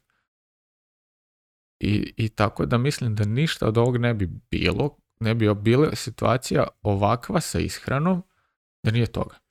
I, i drugi, druga stvar je što ja sad imam znatno manje vremena za stvari koje sam inače radio, jer sam ja, Nataša je dosta išla u vrtić od 8 ujutro do 3 popodne, ja bih radio od 4 do ponoći, ovaj, nekad od 5 do 1, nekad od 4 do ponoći, od kad sam počeo da radim. I onda sam ja imao to prepodne do 3 sata da odradim i da snimim video i da snimim drugi video i treći, da napišem nešto i da nemam sad i onda jedeš šta imaš i jedeš da, sad nema zato što Naca ide u vrtić od 3 popodne do 7 oče, pa 7 od, od, 3, od 3 do... To je jedina opcija koju smo mogli da, da ugrabimo ovdje u Novom Sadu, jer on, ne znam kako je stanje s vrtićima i šta je to, mogo bi da se promeni. Ove. Tako da, to, to je izazvalo mnoštvo stresa. U, kažem, posebno zato što se nisi nadao. I nije da ti nikad nije bio plan da dođeš u Novi Sad. Mhm. Jer ja bih volio, znaš, ono, ne, bi baš puno dugo, koliko već pričam, sati 15, a, ali dodao bi, mislim, kad smo već to sad objasnili, ne znam, hoćeš još nešto da dodaš na ovu temu? Ne. Ne. Mm. Mislim, čisto da znate kakva je situacija bila i, i mislim da ti izazovi ne bi propali da, da, da. nije bilo takve situacije i da ćemo pre ili kasnije opet kogo da je zatražio taj izazov, da ćemo smisliti nešto kako bismo svi zajedno učestvovali u tome. Da, nama treba samo sad vremena da se oporavimo od tog šoka i da se prilagodimo na ovoj situaciji. Ali ono na kraju, ja sam iskreno zadovoljan kako je sve, sve ispalo, jer ja, ja volim Novi Sad. I mislim, to, to sam govorio tebi i, znam, a, ali ajde kao da podelim to s javnošću, ja sam neko ko je, mislim, sve, sve ti govori o tetovaža ovdje ko vidi, ali, o, no, no i sad između ostalog volim i zbog Đoleta, ali i zbog svega drugog što ovdje imaš u Novom Sadu. I onda sam ja bio neko je kao klinac, dok još postoji onaj šinobus, ona srebrna strela, znači sednem na to i dođem prvo do Vrbasa, onda od Vrbasa vozim do Novog Sada i odem što, što bi ja rekao, odem na, na Dunav, pljunem i idem kući. Jer to mi je prosto bilo kao da se prošetam tu. I sad sam tu, znaš. Sad sam tu da jesam. I kažem, volim ovaj grad i volim sve što znam o njemu. I ljudi su potpuno drugčiji od onoga što si navikao da vidiš u, u, u, drugim delovima. Mislim, ima i istih, naravno, i, a, ali imaš nečega što na drugim mjestima nemaš i, i da vidiš i da čuješ i da prođeš i stvarno je grad kulture i kao neko ko ceni kulturu i kome prija ta neka atmosfera u vazduhu. Mm. Da imaš toliko kreativnih ljudi u ovom gradu. I gdje god da se okreneš imaš neku izložbu, neku predstavu, neku svirku, neki muzej, ne, nešto. Ima u svakoj ulici imaš murala u svakoj ulici i to fantastičnih murala. Znači, gde da se okreneš ti si izložen nekoj kulturi, nekom stvaralaštvu, nečemu, što je nešto što mi nedostalo i u Venžu, i u Rijanu, i u Pekingu, i, i bez obzira što je Rijan bio grad od 2 miliona i venđu od 5 miliona ili 7 koliko ima, nisu imali kulturu koju ima Novi Sad. I, I ono što ja volim kod Novog Sada jeste to što Novi Sad jeste urban grad, ali sve mu je ravno, sve je polako, sve fino, onako stićeš, ne žuri. Tu je. Da, imaš, imaš kad. I, I sad ono kao, kažem, imaš priliku, znaš, sve, sve te neke delove grada koje je opet u pesmama i, i znaš, sad mogu, znaš, kad, kad mi dune, ja samo izađem iz stana, i, bilo sam ili s Natašom, ili s tobom, ili s kim, svo troje, samo prođem tuda i već mi ono kao bolje. Ja, juče smo po kiši šetali kroz Cvićevu. Eto. Eto, kao, tu smo, tu smo, čisto prođem, da to mi kao neki muzej ili nešto. Iako ljudi još samo žive, tako glupo je leći muzej, ali ono kao, znaš, sam, kad prođem, i kad, mislim, ja ne mogu da vam opišem koliko ja volim njegove pesme, i, i ne sam koliko volim kao, mislim kao divim se pesmi, nego koliko te pesme nekako za svaki period života ima bar po jednu pesmu, dve, tri, koja ti nako žestoko znače mm. i žestoko ti obeleže to i, i daju ti neki smisao. Pronađu ti reči za, za nešto što si mislio i osjeća, ali nisi imao reči, evo on ti pronađe reči. I, I sve to nekako vezano za Novi Sad i, I sad možeš da prođeš i kisačkim drumom i, i, i onim temerinskim vašarom i čega god da se do, do, do si tevim ili ne znam više šta pričam. Ali ovo ovaj, nek mi zamere. A, ali, ali sve, sve to možeš da vidiš. Mislim, ni Gara Visokak ne, ne zaostaje mnogo za, za Da, ne, Za, za tim koliko ja volim i tu muziku i sve to i taj to je neki ono kao... To je ravno. Laga. Da. E, stvarno, nije, nije da se ono kao... Tako da sam srećan povodom svega toga što se dogodilo i sad konačno negdje posle mjesec dana osjećam da sam se asimilovao i sviđa mi se ovaj kraj, kažem, ima sve što treba, ti je tu. Od Mičurinove do Tako da, eto, na kraju tako ispalo kako ispalo i tu smo gde jesmo, u buduće trebalo bi bolje se organizujem da snimamo i da, i, znaš, ono kao, ako ništa drugo, najmanji problem je da, da snima ovaj podcast, da sednemo i ono kao pričamo. Iako smo sad prvi put namistili ovaj setup, pa još nisam znao gde, gde ide svetlo, gde ide kamera, sljedeći put ću znati. Ali, ovaj... nama je do sad nismo, zato što, kažem, ja sam od jutra do mraka van kuće i nisam sa Nacom niti sa Ivanom. Pet dana u nedjelji, prosto ova dva dana u nedjelji mi znače i svaki minut sam ja sa njima provodila. Bili smo prehlađeni, bili smo, na smenu smo Ivan i ja bili bolesni, prosto nismo mogli to da, da izvedemo, ali ja mislim će sad sve biti redovnije dok opet ne bude onako kako smo zamislili.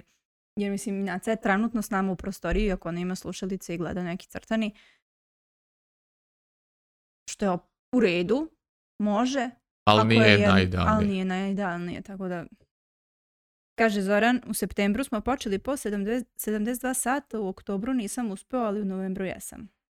Sva, svaka čast Zoranu. Morat ćemo ga, da ga angažujemo bude moderator tog posta, on je najizdržljiviji od svih.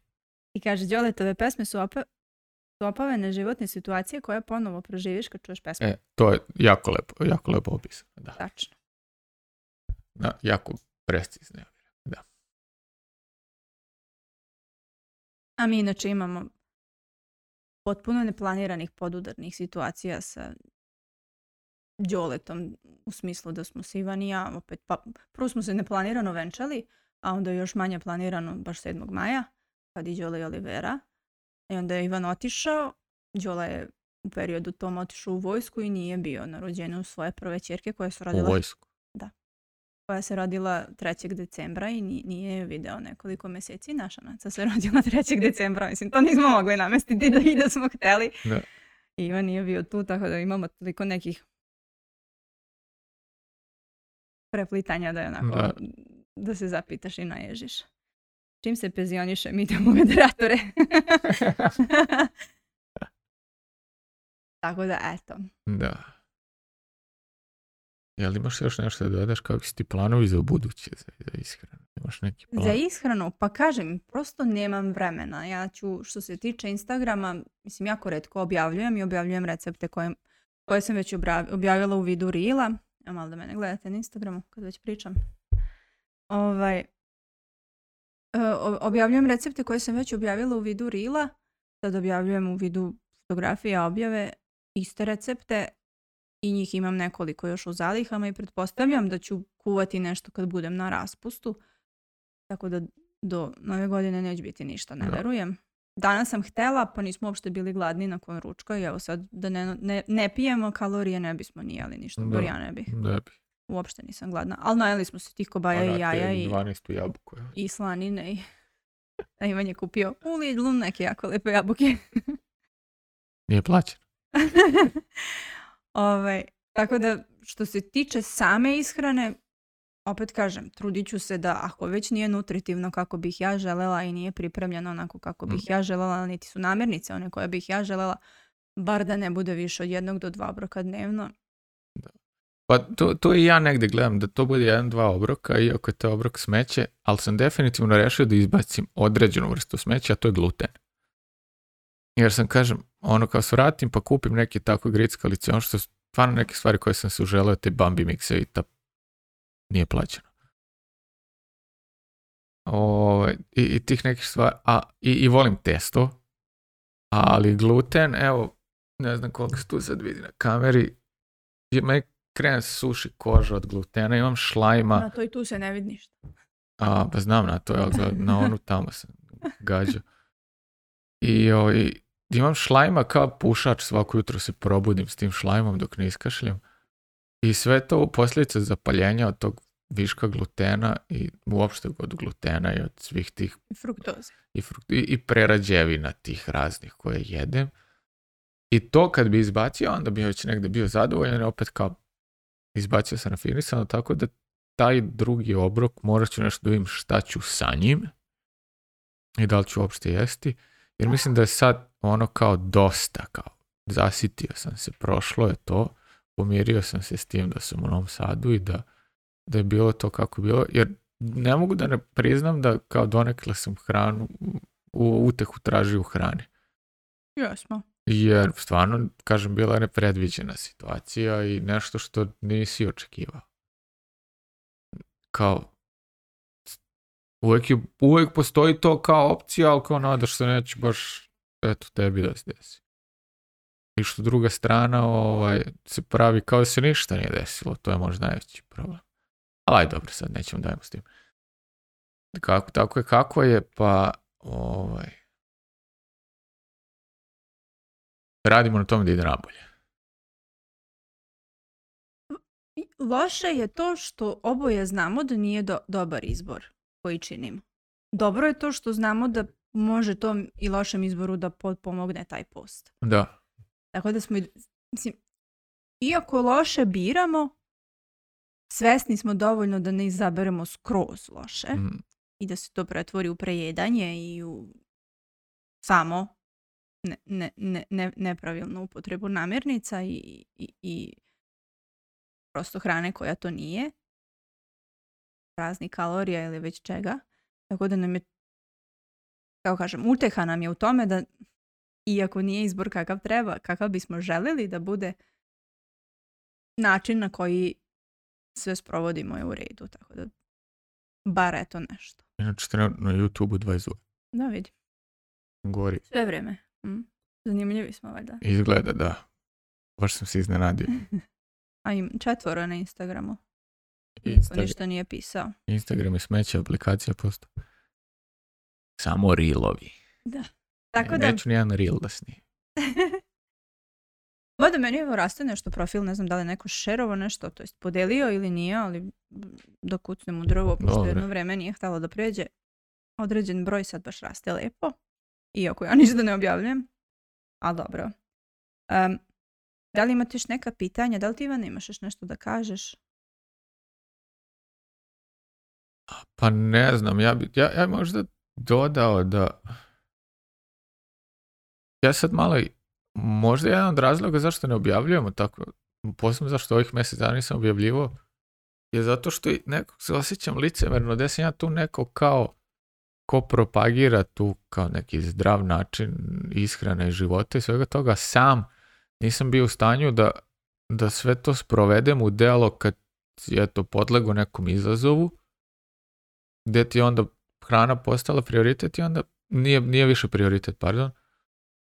I onda se nekako osjećaš kao kako ja sad snimim video da govorim o kao jedi keto ishranu, a sam jedeš perece za večeru. Pa da. I onda, znaš, kao, a, a iz druge strane, kao, stvarno sam bio ono umoran i sve to, ali negde mi je cilj da u budućnosti organizujem sve to nekako drugčije i, i svoj dan i, i sad vidim gdje imam prostora i za da uglavim ovo i da uglavim ono jer da se ne lažemo ja meni ovo nije neka mislim ja volim ovo što radim ovaj čitavaj ovaj koncept za golaj i sve ovo što mi radimo ali meni to nije primarna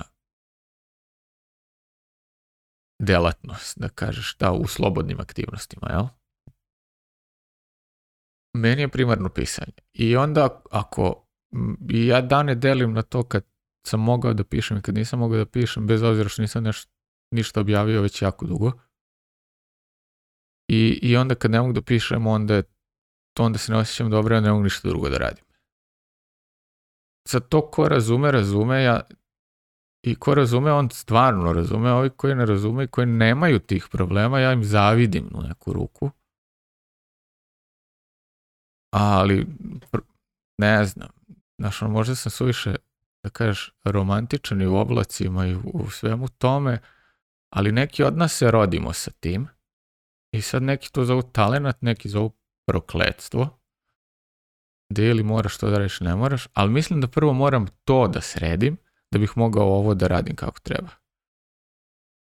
Jer bez ovog prvog ovog drugog nema.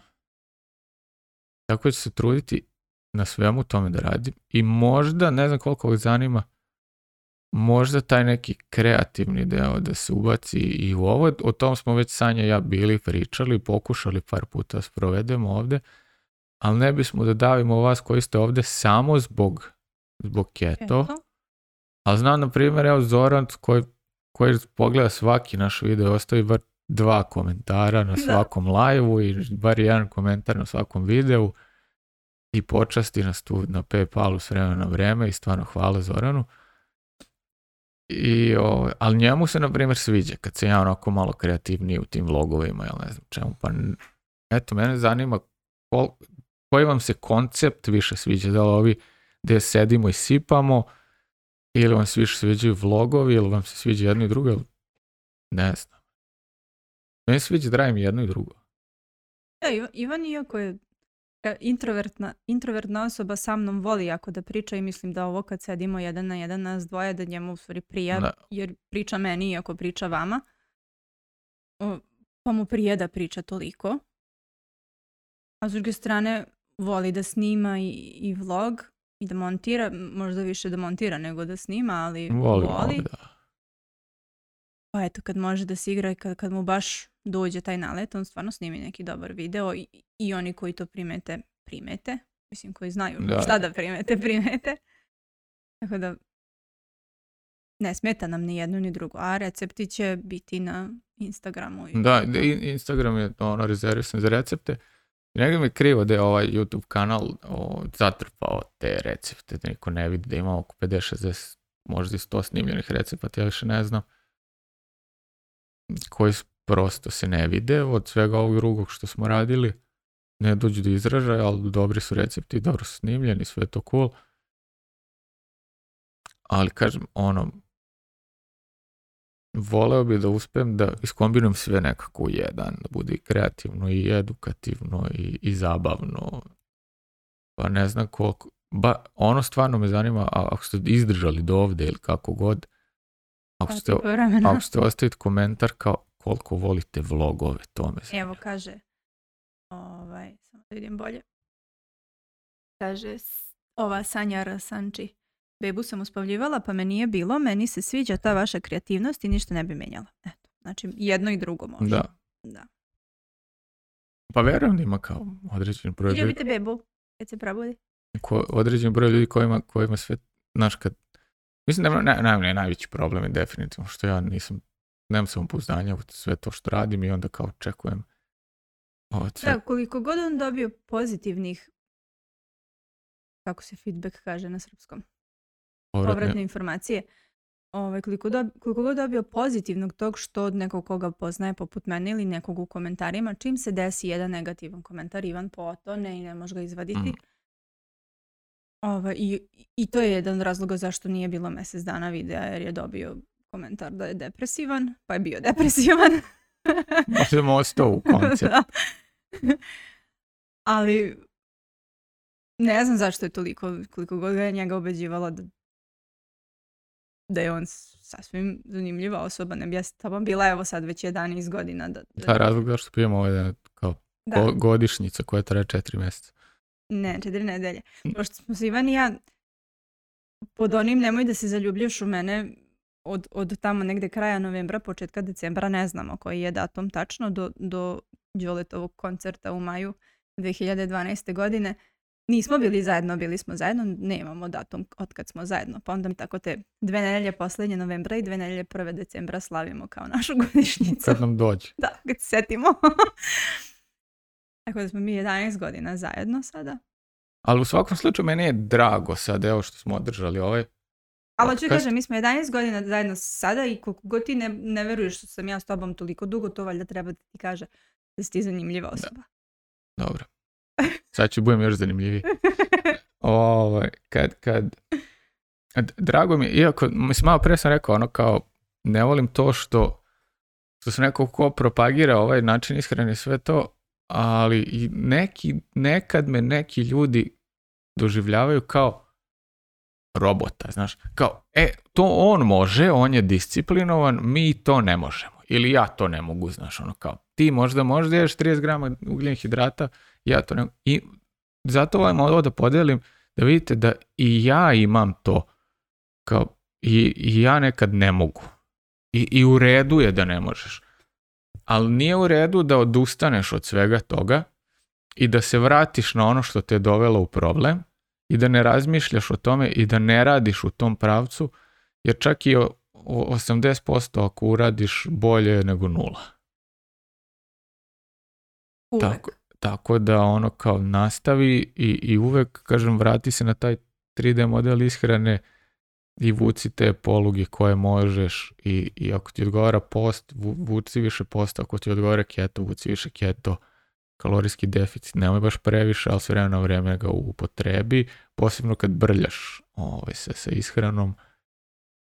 I eto, to je negde neki zaključak je da smo svi podložni određenim promjenama i stresovima i da nekad tip ishrana nije na prvom mjestu i nije prioritet, ali negde kao nađi neki balans. Kaže Zoran, ovo što radite je sasvim na mestu što bi se reklo, a smatram da je najveća vrednost više u formi nego u sadržaju, to je. Hm. A ovdje kažu ljudi, opet ću da te okrenem,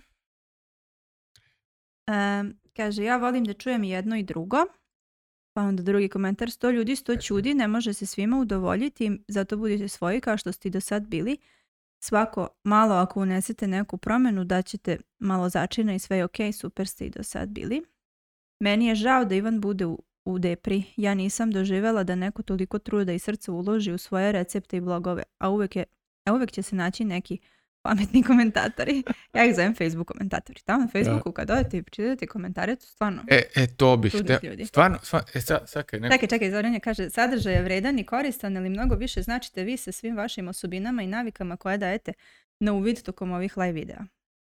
Sve što sam vam do sad čula o keto ishrani bilo mi je jako korisno. Od vas čula o keto ishrani bilo mi je jako korisno. Sad može kaže Facebook. E, to, to, to, hvala ti za Facebook, ti možemo završimo video. O, ovaj, meni je taj Facebook ima jednu dobru stranu trenutno, a to je kad ja odem na, na one grupe u ovome, kako se to zove? Facebook. Kakve grupe, šta? Za Stanovi. Aha. Odem u te grupe i onda vidim koje su cijene stanovi i onda kao, e, dobro je, dobro je, još uvijek je dobro, kao, nisi najgore prošao. Kao, imao si sreće. I onda sam sebe tešim time. Op. Ali ovaj Facebook, inače, ja bi svima preporučio to ugase i obrišu. I koliko, koliko god se ti trudio, ti odeš tamo na taj Facebook. Meni to ja, ja tu nisam imao pet godina sigurno i otvorio sam eto da bi mogao da vodim stranicu i, i opet sam bio dodao sve prijatelje, ali mi imam plugin instaliran na Google Chrome-u da ja ne vidim news feed. A mi se dešavalo na poslu, znaš, da ovaj, 5-10 minuta kao aj pustit ću sebe da vidim i ti ne možeš da ne završiš na onoj priči gdje onaj oceko sebi kitu i šeto ulicom i ne možeš da ne završiš na onoj priči što je neki platio u 40.000 i ne možeš da ne završiš na nekoj priči gdje neko skočio s mosta i stalno se neko sranje dešava i, i ti ako provodiš dva, tri sata dnevno na tom čudu i ako čitaš komentare i sad za vas što niste iz Srbije, ne znam koliko važi ovo za vas, ali za nas posebno važi. Mi imamo ono kao samo sloga Srbina spašava, može misliti. Ali jedino u čemu se mi slažemo je da ovdje niš ne valja. I to se najbolje vidi na Facebooku. To sve, sve su oni i selektori, futbalski i, i oni političari i svi su došli tamo i svi znaju sve što treba da se radi, ali niko od tog ništa ne radi. I onda ja uđem na to pet minuta kao jebote život.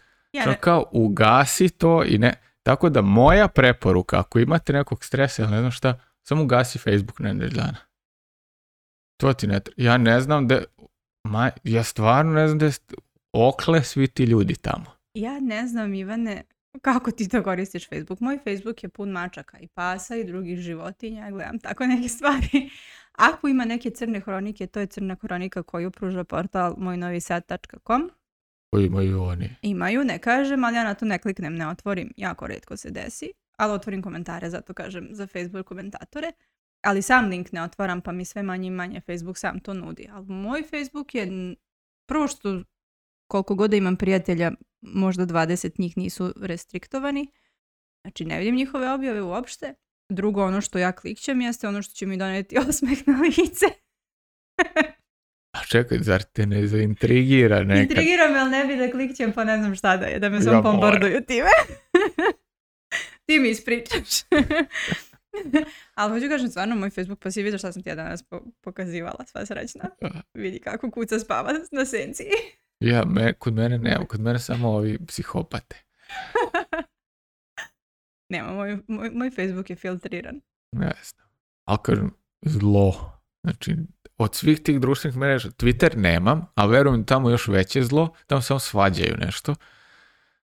Ali ovaj, Facebook, kad uđeš, kao da si ušao u neku, neki tamni vilaj, ne znaš desi, si, bog te, deveti krug pakla ili šta je ovo, sve misliš kada će nešto te strefi, sad ako izađeš na ulicu nešto će te strefi, ne? neko će ti odseći glavu, ne? tu horor neki sve šta se dešava i sve, sve nešto pa svi pametni. I, I svi sve znaju i on kao, bog te, znaš, kao i tamo više. Tako da, moja preporuka za kraj ovog videa, obrišite Facebook. Ili ga filtrirajte. A može, čvarci, a? Evo na CD čipsa zvani čvarke. Samo još da pročitam. E, što sam pročitala ovdje posljednje? Jasno. Aha, za pametne komentatore, pa sam rekla Facebook komentatori. Onda kaže, sve što sam od vas čula u keto ishrani bilo mi je jako korisno. To smo pročitali. To smo pročitali i to nam je jako drago. Vi ste živi trofej zdrave prehrane, pratim vas još od davno iz starog stana dok je Sanja bila malo jača. I meni ste vrh vrhova hvala. I to je to što sam propustila. Eto. Ako, ako ne verujete, stvarno možete pogledati te starije videe na YouTube-u gde sam malo jača. Kulturno Hvala. Mogla je da potegne. Znaš kako se u školi ono, paca vilica do poda kad ja podignem sto sama ili tako nešto? Bože, pa da, sve, sve sama presavila. Ja sam pakovo, ona je nosila. Da.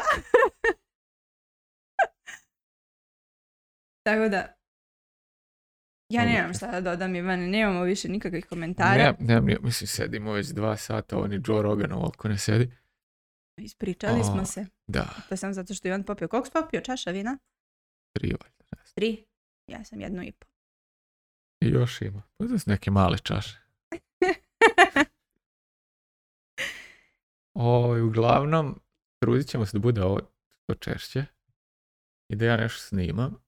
I, hvala za podršku i vetar u pa leđa. Pa pretpostavljam da će biti sve češće zato što dosad smo išli, bili na polju, bukvalno cijel dan vikendom, tako zato nismo snimali jer nismo fizički mogli to da uradimo, a sad će biti kiša i bit će mnogo hladno, pa ćemo sedjeti kod kuće. Pa. Ili bismo svo troje gledali crtani neki ili neki film za decu, ili samo na za nas dvoje da pričamo s vama. Eto. Uglavnom, hvala svima koji su bili danas i, i, i hvala svima, osim onima koji su izdržali ceo ovaj video, vidim tu sad po statistici da ih ima dosta koji su bili ceo video, što je meni zapanjujuće. Nikad neću valjda da se naviknuti na to da neko može sedi i sluša dva sata kako mi nešto pričamo. Ali uglavnom, jako vam puno hvala i eto, nadam. Još samo dodam jednu stvar, od one knjige recepata mhm. štampano, ja nemam pojma šta će sad tim biti, čovjek mi se ne javlja već. Eto, od, kad smo vam rekli da dana ja sam poslao mail kao dobro, super, sviđa mi se kako je ispalo, koliko je cena toga. I on ništa. I ovaj, on ništa, ja sad kao treba njega da cimam, ali ne znam da li želim da sarađujem s tako nekim ko ti ne odgovara na mailove. A, vidjet ćemo da nađemo neku novu štampariju. Uglavnom, ako neko zna neku dobru štampariju, da radi ono print on demand ili da ima jako povoljne cene za štampu i, u malim primjercima. I distribuira. A, nije problem, ja, evo, radit ćemo i mi distribuciju. Ali u svakom slučaju, ako neko nešto zna o tome, nek mi se javi. Imate kontakt na našem sajtu. To je to za danas, a? Nemam šta da kažem više. Da. Jako mi prijalo. I, i nedostajalo mi ovo da radim. Knjige nemamo, imamo majice na sajtu. Da, ako neko hoće kupi majice, eto da izreklamiram to, još uvijek postoje te majice. Znam da su mi pitali ovi kao, o, ovaj, št... majice. Do što ste vi to odustali? Nismo odustali. Niko ne naručuje. Da. O, jel nema veze? Ali ne naručuje zato što vi ne govorimo. mi to ne reklamiramo, da. ali eto sad ćemo da reklamiramo. Imamo majice i dukseve i za teretanu ima jedna majica. Mi nismo ništa drugo dodavali. Ako ste iz inostranstva, ima neka druga prodavnica. Piše tamo da na da, sajtu. Na sajtu imate PayPal, možete u komentaru ostaviti, imate onaj thank you, pa tu na YouTube direktno možete ako hoćete nešto da nam pomognete, da održimo ovo u životu. I, i hvala svima koji su do sad to uradili. Ja se uvijek kao ono iznenadim kad se to desi. I ima PayPal i tako. Uglavnom, da.